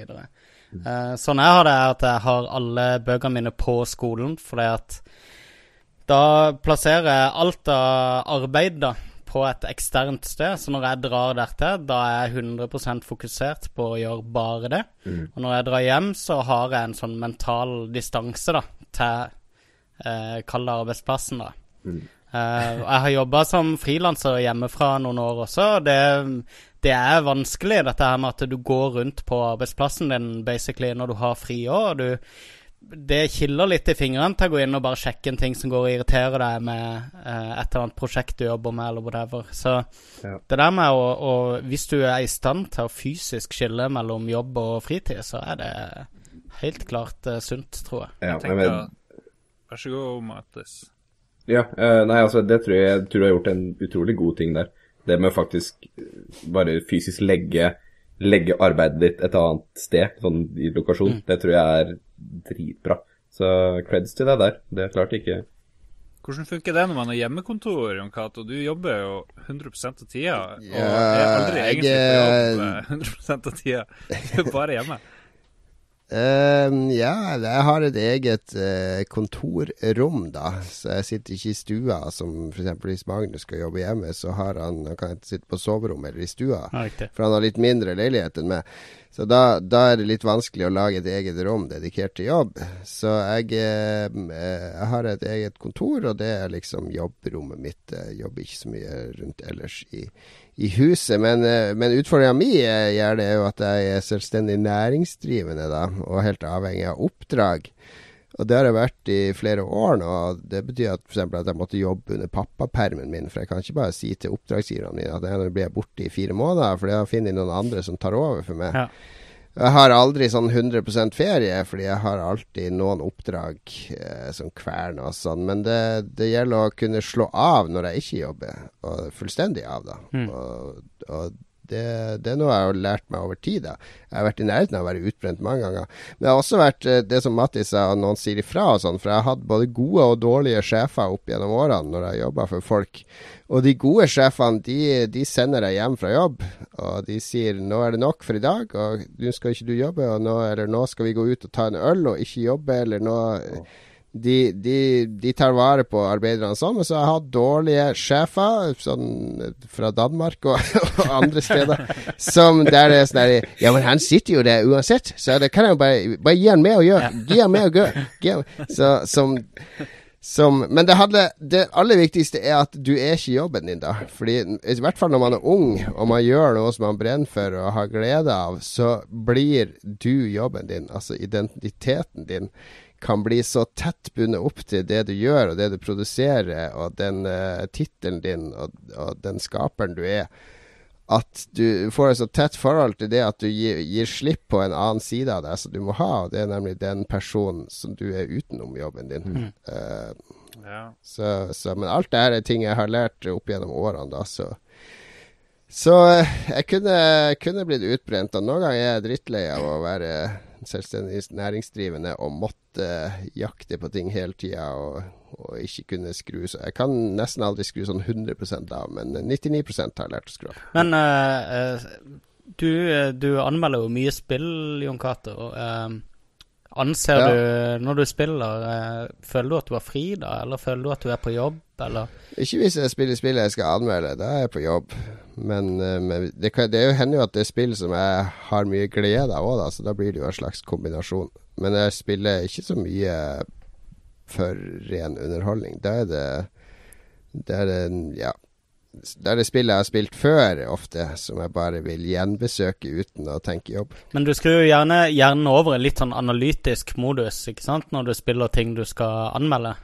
Uh, gjør ja, ikke det? Ja, men nå for eksempel har jeg spilt Snakebird, det har vært sånn ren glede. Men det er fordi ja. det er et ganske enkelt spill, ikke ja. sant. Uh, men sånn som Assassin's Creed og sånne typer spill, det klarer jeg nesten ikke å spille uten å tenke jobb. Fordi at det blir Det er så mye det er så mye å skrive rundt i, og det er alltid oppdrag rundt i. Men når du er tilbake i Bloodborne, f.eks., eh, som jo er et av dine favorittspill, klarer du å skru helt av den der ja, anmelderen? Ja, da skrur jeg helt av. Det handler bare om at jeg skal bli flinkere. Ja. Det, det, har veldig mye å gjøre om Har du skrevet en anmeldelse, ikke sant? Uh, og hvis du har gjort det, så kan du jo spille og ha det gøy. Men for meg ja. så er det ofte sånn at jeg klarer ikke å spille videre på et spill hvis jeg har anmeldt det. Da føler jeg at da må jeg spille noe nytt, og så kunne jeg Nei, det er bare noen få spill jeg klarer det på, sånn som Bloodborne og GTA5 Online og litt sånne ja, ting. Jeg har Bloodborne og Destiny og Axiom Verge, liksom de spillene i det siste, sånn, eller det siste året egentlig, kanskje bare, som jeg har klart å spille på gøy. Uh, resten har bare vært jobb. jeg syns jo det er, det er deilig å ha slutta å uh, anmelde spill i utstrakt grad. For det, nå er jeg tilbake og koser meg med spill igjen. Det er en stund siden jeg uh, har hatt det sånn. Sånn full frihet til å være sånn 100 forbruker, det, ja. føler jeg. Men hvordan altså, altså er, det med, ja. altså er det med deg, Mattis, nå som du ikke ja. skal lage spill lenger? Ser du på spill i et annet nå, eller? Uh... Ja, nei, definitivt. Jeg prøvde å eh, tenke det ut. Fordi det er jo det er veldig likt for oss òg. Jeg tror egentlig for de aller fleste spillutviklere så tror jeg det er sånn at vi, vi, vi lager spill sjøl, og derfor liker vi også å se analytisk på omtrent alt vi klarer å konsumere. Uh, om det nå skulle være spill eller film eller hva det skulle være. Uh, det er veldig kan, teknisk.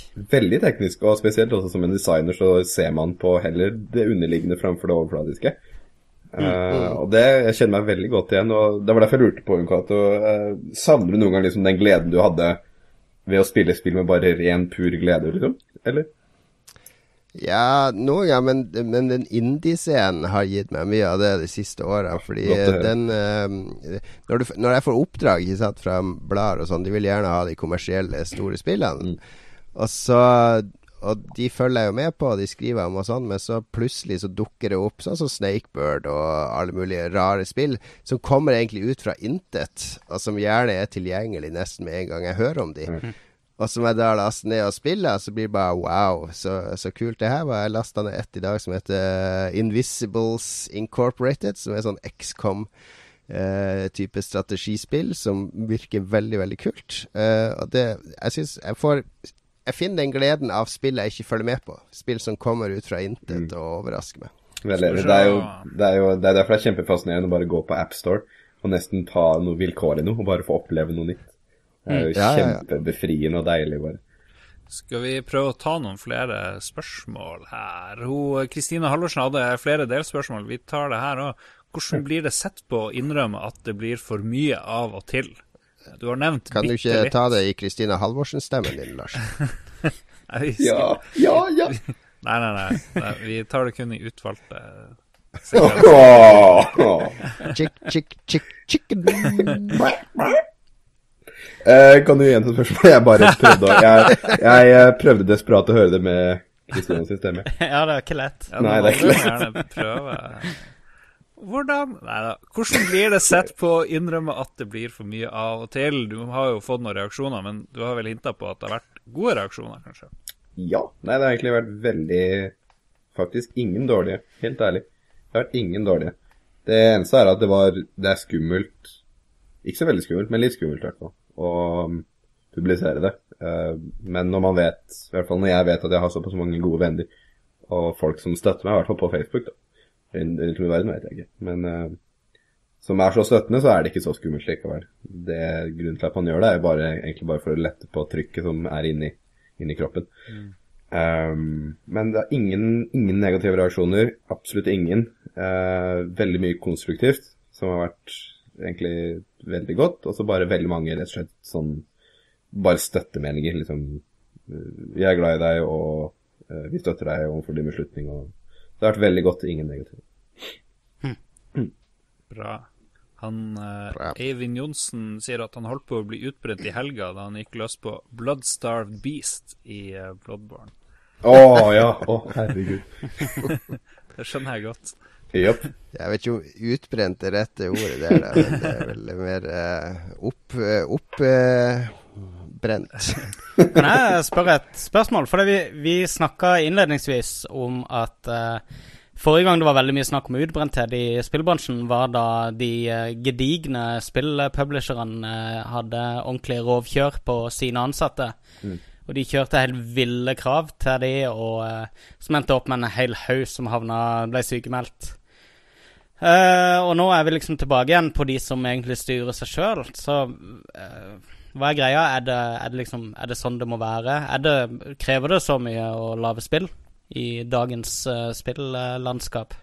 Det er jo det. Det er jo ekstremt mye press, men alt det presset er jo noe han legger på seg sjøl. Og det er, Ja. det er liksom det som er problemet her, og det er derfor man må ta tak i det Det er derfor andre må ta tak i det, mener jeg da. Det var jo, det var jo som nevnte i stad, det at andre må si ifra til deg. At vi kanskje må bli litt flinkere på det, tror jeg er Men, jeg tror men jeg hadde det på en måte Hadde dere kommet i mål hvis dere, eh, hvis dere hadde vært eh, mer opptatt av liksom at eh, holde det rolig og ikke overarbeide osv.? videre Ja, ja, lett. Så, det tror jeg. så det går fett an å liksom holde det på et rolig nivå og fremdeles komme i mål til riktige tider og Jeg tror det. Altså, til riktig tid tror jeg litt Det man må ta opp, fordi jeg tror ikke man får det kanskje til den tiden man skulle ønske. Det tar nok kanskje litt lengre tid, det tror jeg. Ja. Uh, men hvis man vil drive et spillselskap, som de fleste vil, man vil jo gjøre dette her over tid og leve av det, det er det som er drømmen. Hvis man skal det, framfor at eh, man bare vil lage et spill og så stikke, så tror jeg nok man må tenke eh, langsiktig isteden. Det skal jo ikke så mye til, tror jeg egentlig. Du bør ha én dag fri i uka, liksom. Ja, eh, helst. Og, og hvis du klarer det, så tar du én en dag ekstra kanskje å gi ut spillet, men det er jo ikke Mm. så mye lengre tid. Det er kanskje jeg, jeg to tenker- uker til sammen, eller sånn, hvis du tenker Ja, én-to dager i uka, så, så Ja. men jeg tenker det ligger vel også litt her i at uh, det er et uh, nyoppstarta firma, og man prøver og feiler og skal finne eh, hva som funker i den gruppa her, og hva som funker for oss, og alle er ivrige, og alle vil bidra. og man går kanskje i noen feller underveis som kunne vært unngått. Kanskje, eh, det, det var ikke noe sånn under, i spillundervisninga om hvordan man skulle drive firma sunt, eller, eh, eller sette seg Eller var det bare det rent praktiske? Nei, definitivt, det var også det. Men eh, det hørte jo ikke vi noe særlig på, da. Det skolka de timene ganske lett. Men eh, nei, vi, vi lærte jo det, og vi lærte jo hvordan vi skulle styre Og det er jeg egentlig veldig glad for. Vi lærte hvordan vi skulle styre indie, uh, indie-firmaer. Det var det vi faktisk lærte, eh, og det er jeg jo evig takknemlig for. Um, Og det skulle man jo hørt litt, litt mer på. Eh, og så kom jeg på en tanke til, og det er jo det at det er derfor Altså, det er jo bare å se på game jams, hvor ekstremt mye man får eh, gjort på den tida. Og kanskje, ja. kanskje kan lære litt av det òg, fordi det går fint an å jobbe veldig intensivt en stund, men ikke gjøre det over tid. Du kan Men er det se ikke det som er denne crunch time-syklusen som fucker opp alle? Jo, det er den som fucker opp alle, men det må jo tenke på alt det som har skjedd før den crunchen òg. Ja. Det er den som har vært ødeleggende. Man må liksom se på helheten av dette her. Og det er jo så, det er så mange faktorer, så det er jo så vanskelig å si på direkte hva som forårsaker det her. Men uh, jeg tror at hvis man lærte seg å ta flere pauser, så tror jeg så mye hadde blitt løst. Da tror jeg ikke jeg hadde vært der jeg er i dag. Så det funker Men, på en men måte? sender Ja. ikke, ja, sender ikke Game Jams ut litt feil signal der? For ja, nå skal vi lage spill i en uke uten å sove eller gjøre noe annet enn å sitte foran skjermen. For det, er- det er det som er gøy. Ja, men liksom, du må også tenke på at det er jo en uke, da. Det er jo det er en uke. Ja. Altså, det er, jeg, tror det er ingen, jeg tror det er ingen som har vært på Game Jam noen gang etter en uke med lite søvn har sagt til seg sjøl Å, dette skal jeg gjøre i et år nå. Det er nok ingen som sier det, og da tror jeg kanskje man kan ta lærdom av at det går Vi går gråtende til, til sengs etter Game Jam bare Nei, nå er det over. Ja, jeg har gjort det en to-tre ganger allerede. Og liksom, hvis man bare tar lærdom av det, at man kan jobbe intensivt der litt og sånn, men ikke, ikke strekke den sånn kjempelangt. Det er aldri en god idé, tror jeg.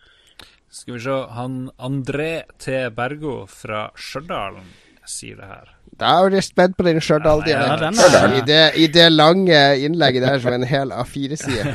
Jeg vet ikke om han er fra Stjørdal, så vi bare tar det på Harstad-dialekt. Sannsynligvis fra Harstad. Uh, skal vi se. Han sier at han som gamer er en rastløs gamer, og det har han vært siden han var liten. Uh, flere sjangre har sine ting som trekker oppmerksomheten min. Vi har gameplay og spillelementer som er morsom, utfordrende, tankevekkende, og kanskje bare rett og slett gøy å utføre idet man spiller det. Eh, så sier han at mitt problem med spill er som oftest at det er så mange av dem. Eh, og noe han har merka eh, opp igjennom i det siste, i hvert fall, er at han trenger masse variasjon i spillene eh, mens han holder på med det. Ikke bare ett, men også flere om gangen. Og hvis han kun sitter med ett spill eh, i lengre tid, så blir han rastløs, og så kaller han det en slags da, burnout på det. Eh, unntakene er få. Mass Effect 1, 2 og 3, hvor han spilte gjennom de uten å spille noe helt annet. Og at det var historien som holdt han. Uh, de fleste standard rollespill, skytespill, puzzles gjør at han må balansere spilldietten med andre sjangre for å ikke bli lei. Uh, og så lurer han på om han er i fare med å bli utbrent på spill generelt, eller er det spillbransjen som har laga spill som han lett kan bli utbrent av? Og det er jo litt interessant. Eh, jeg vet ikke om spillbransjen lager spill man lett blir utbrent av, men jeg vet ikke. Blir man litt ADHD av å spille masse forskjellige spill i dag? Når man, man har så mye tilgang til ting, og kanskje du har 1400 spill på Steam som ligger i kø. Det er jo litt sånn da jeg vokste opp, så hadde jeg kun NRK. Eh, og så, uh, så nesten alt som gikk på NRK. Det gjør jeg ikke lenger nå, for nå har jeg mange andre alternativer. Men jeg tror ikke det er snakk om å bli utbrent her. Her er det jo snakk om hvordan han disponerer fritida si. Uh, og at man blir blasert av å bruke mye timer med samme type underholdning, det, det er naturlig. Det gjør alle, tror jeg. Jeg blir også veldig, veldig sånn spillei på noen sjangre fra tid til annen. Og så er det kult å komme tilbake til det når det har gått litt tid. Og det gjelder egentlig TV-serier og film og bøker og alt det. Han lurer også på om, når man er spillutvikler, om at det ligger en fare i at spillet må lages, og man må tjene masse penger på det. Er det, Følte dere noe press som eh, liksom, Hvordan press følte dere, Mattis, da dere lagde spillet? Vi følte Det var litt press. Eh, Vi hadde jo en publisher, så det var jo litt press også derfra. Eh, Men eh, altså jeg, altså det var jo som jeg sa i stad, det presset vi følte, er det vi legger på oss sjøl. Veldig lite annet, egentlig. Så klart, man blir jo litt opphengt i kommentarer på internett og ja, alt det gamle der. Men aller meste presset kommer ifra en sjøl, vil jeg påstå. Det gjør det. Um, Men dere hadde jo en publisher, Ja. sånn at dere, var på, dere hadde lønn på en måte, da. Ja, vi, vi hadde Vi fikk da stipendiat, eller hva du vil kalle det. da. Eh, Vi Ja. fikk da funding fra de, eh, så det gjorde vi. Eh, jeg, Åssen er det for kollegaene dine, som er av de indie-utviklerne som da må lønne sine egne ansatte, tror du de er mer, eh, mer opphengt i at dette vi må ha inn til å betale folka våre, eller driter de i penger? Det det Nei, de, altså, å drite i det kan man jo ikke. Uh, man kan aldri drite i det. Men jeg tror, da, jeg tror, ikke det er det som er Så klart, det er jo Skal jeg svare på det? Det er, det er definitivt et press der. Det er det. Mm. Men som ofte så er jo indie-utviklere drevet av noe annet enn det å tjene penger. I hvert fall de aller fleste jeg kjenner, da, er jo det. De aller fleste er jo drevet av det at man vil lage en god opplevelse for spilleren. Det er jo det man vil. Og de fleste, fleste indie-utviklere er jo også da gamere i gåseøyne sjøl. Um, så ja. Ja. Men hvis du tenker på det han sa først, nå å overføre det til spillutvikling fordi han, han sa han trengte variasjon. Han ble drittlei hvis han satt med samme spill. Ja. Hvor mange ganger ble du drittlei av Size Does Matter under utviklinga? det var mange ganger. Å, helt latterlig. Nei, det var Spesielt i Skottland har vi mange gode historier derfra. Vi, eh, fordi vi hadde jo som mål at hvis noen på teamet klarte å spille siste level, og klare 100% på det, så måtte vi lage et nytt level som var vanskeligere. Eh, som da førte til at min oppgave på slutten ble jo da å ja, spille spillet i hjel, fordi vi tenker det at hvis én av fem stykk klarer å gjennomføre spillet på det vanskeligste, så klarer i hvert fall de eventuelt millionene av kjøpere og spillere der ute kommer til å sannsynligvis klare det samme. Og vi vil jo ikke at de skal klare det siste levelet. Det skal på en måte være det uoppnåelige. Det var derfor vi kalte det impossible. Uh, så definitivt, man kjenner seg lei. Møkka lei. Og jeg satt på dass og spilte det hele tida, og folk gikk forbi og trodde jeg var gæren, for jeg spilte jo døgnet. Uh, så at man blir lei sitt eget spill, det blir man uten tvil. Og man har litt vanskeligheter med å se underholdningsverdien i det til slutt. Det begynner man, den begynner å bli litt mer borte. Uh, underholdningsverdien mm. går mer og mer bort. Og det er jo litt trist òg, da. Eller litt trist. Men eh, ja, man begynner å se på det som Hva skal jeg si, da? Et, du, du, ser liksom mer svakheten enn det styrken er til slutt. Ja. Mm. Vi må tenke på å avrunde her, men vi tar med kjapp, et kjapt spørsmål fra Eirik Berntsen, som lurer på noe helt annet, om vi har kommet i gang med The Witcher 3. Er det noen oh. av oss som har fått det? Jon, har du fått din uh, debug eh, PS4-versjon? Uh, ingen kommentar. Nei da, jeg har ikke fått det. Jeg har ikke fått det. Jeg var ikke uh, høyt uh, Jeg var ikke høyt rangert på de få kopiene som skulle ut, for jeg hadde akkurat levert til mitt magasin, så jeg sa til Persson i Sverige at uh, gjøre hva han vil med den. Jeg kan godt vente på promoen.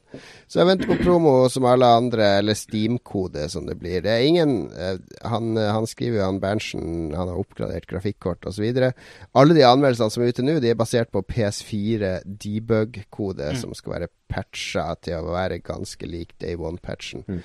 Eh, så det er ingen som har spilt ferdigversjonen på PC ennå. Altså den, eh, den, ultimate versjonen, hvis vi skal tro på PC Master Race. så, så, vi får se når, når, det kommer. Da er vi ferdig med spørsmålene. Og jeg uh, syns vi har hatt en solid sending her. Supert at vi har hatt Mattis med. Tenk at du ble med. Konge. Tusen takk for at jeg var med. Det var kjempehyggelig. Kjempebra. Ja takk for, uh, takk for, at du skrev en blogg som inspirerte hele ukas sending òg. ikke noe problem, ikke noe problem. Glad for å hjelpe. Nei, men det, Lolbua, I Lolbua så prøver vi å ta opp alle mulige aspekt med spillbransjen, og det her er kanskje noe som ikke snakkes så ofte om i spillbransjen. Nei, det er kanskje litt mangelvare. Det er sant, det. Mm. Så, så det, jeg syns det ble en veldig fin sending ut av det. Hva skal du gjøre nå, Matis? Har du noen eh, planer fremover som du kan dele med oss? Jeg blir rørlegger. Nei da, jeg skal ikke det. Jeg var tull. Det var tull. Nei, um, jeg så, Full circle. Full circle. Uh, nei, um, jeg har lyst til å drive med noe helt annet. Det er det eneste jeg kan si. Noe mer spesifikt enn det vet jeg ikke. Jeg har lyst til å gjøre noe som Det er en sånn klar linje mellom jobb og fritid. Uh, man jobber mm. fra X til Y, og så er man ferdig, og så lever man etter det. Uh, det er det jeg har lyst på. Noe mer spesifikt enn det vet jeg ikke. En uh, legekompis ringte meg like før vi skulle ha sendinga og lurte på om jeg skulle være med ut og jogge. det er jo uvanlig aktivitet her, da. Men jeg bare måtte jo spørre han, da. jeg, jeg, veldig, jeg, jeg trodde liksom vitsen var ferdig der, jeg. Ja, det har du helt rett i. Så sa jeg hva temaet skulle være, og så spurte jeg om han hadde noe å bidra med. Og så sa han at søvn, det var liksom eh, hans uh, greie. Sørg for å få nok søvn. Så spilllegen som vi må få med en dag på sendinga vår, han uh, doktor Kien uh, Få nok søvn, så løser veldig mye seg i uh, livene våre, ifølge ja. Doktor Og så må Spill. vi også takke Mattis for uh, Hadde det ikke vært for Mattis og lanseringsfesten til Size Does Matter, så hadde Lolbua aldri møtt Christian Emil Solberg uh, Gulbrandsen, som var en uh, fantastisk gjest hos oss i fjor. Yeah, Emil! Veldig god venn av meg. Eh, Emil er en kjernekar, og han eh, har laga en veldig morsom eh, rappvideo som ledd av en søknad ja. til en jobb i NRK. Den har vi linka til på, på Lolbua-twitteren før, så sjekk gjerne den ut. Det ble en kjempefin sending i dag. Vi, eh, vi eh, avslutter her og nå. Vi er tilbake neste uke, og der skal vi i hvert fall prate litt om retrospill. Etter at jeg har vært på retrospillmessa. Er dere med på å prate litt om det, Magnus og Lars? Det er vi absolutt. Så lenge vi får noe swag, så går det helt bra. Jeg skal skaffe litt swag. Jeg skal bl.a. møte han som lager Alvas Adventure. Har dere hørt om det? Det er sånn nes, nesspill som en svenske driver og lager, som er nesten ferdig. Som ser veldig veldig kult ut. Litt sånn uh, Link-Selda-aktig 2D-plattform-greier. Drit i swagget. Ta heller og gjør noe intervju med noen morsomme folk. det er du som ber om swag. Jeg skal snakke med masse ordentlige folk. Jeg vil ha. Det blir en bra, det blir en bra sending. Nok nå. Nok nå. Vi må avslutte. Tusen takk for at du var med, Mattis, og lykke til videre. Eh, følg oss på Lolbua Twitter, Lolbua på Facebook, Lolbua på YouTube og lolbua.no. Det er sentrum for alt som skjer og at Mattis Delerud er vel Twitteren din. Oh yeah. Ja, følg Mattis på Twitter, at Mattis Delerud. Eh, vi gir oss for i dag. Tusen takk for at du hørte på oss. Ha det bra. Ha det. Ha det.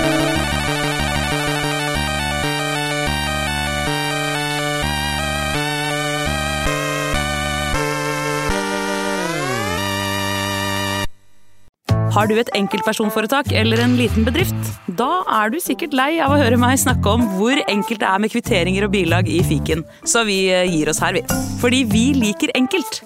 Fiken superenkelt regnskap.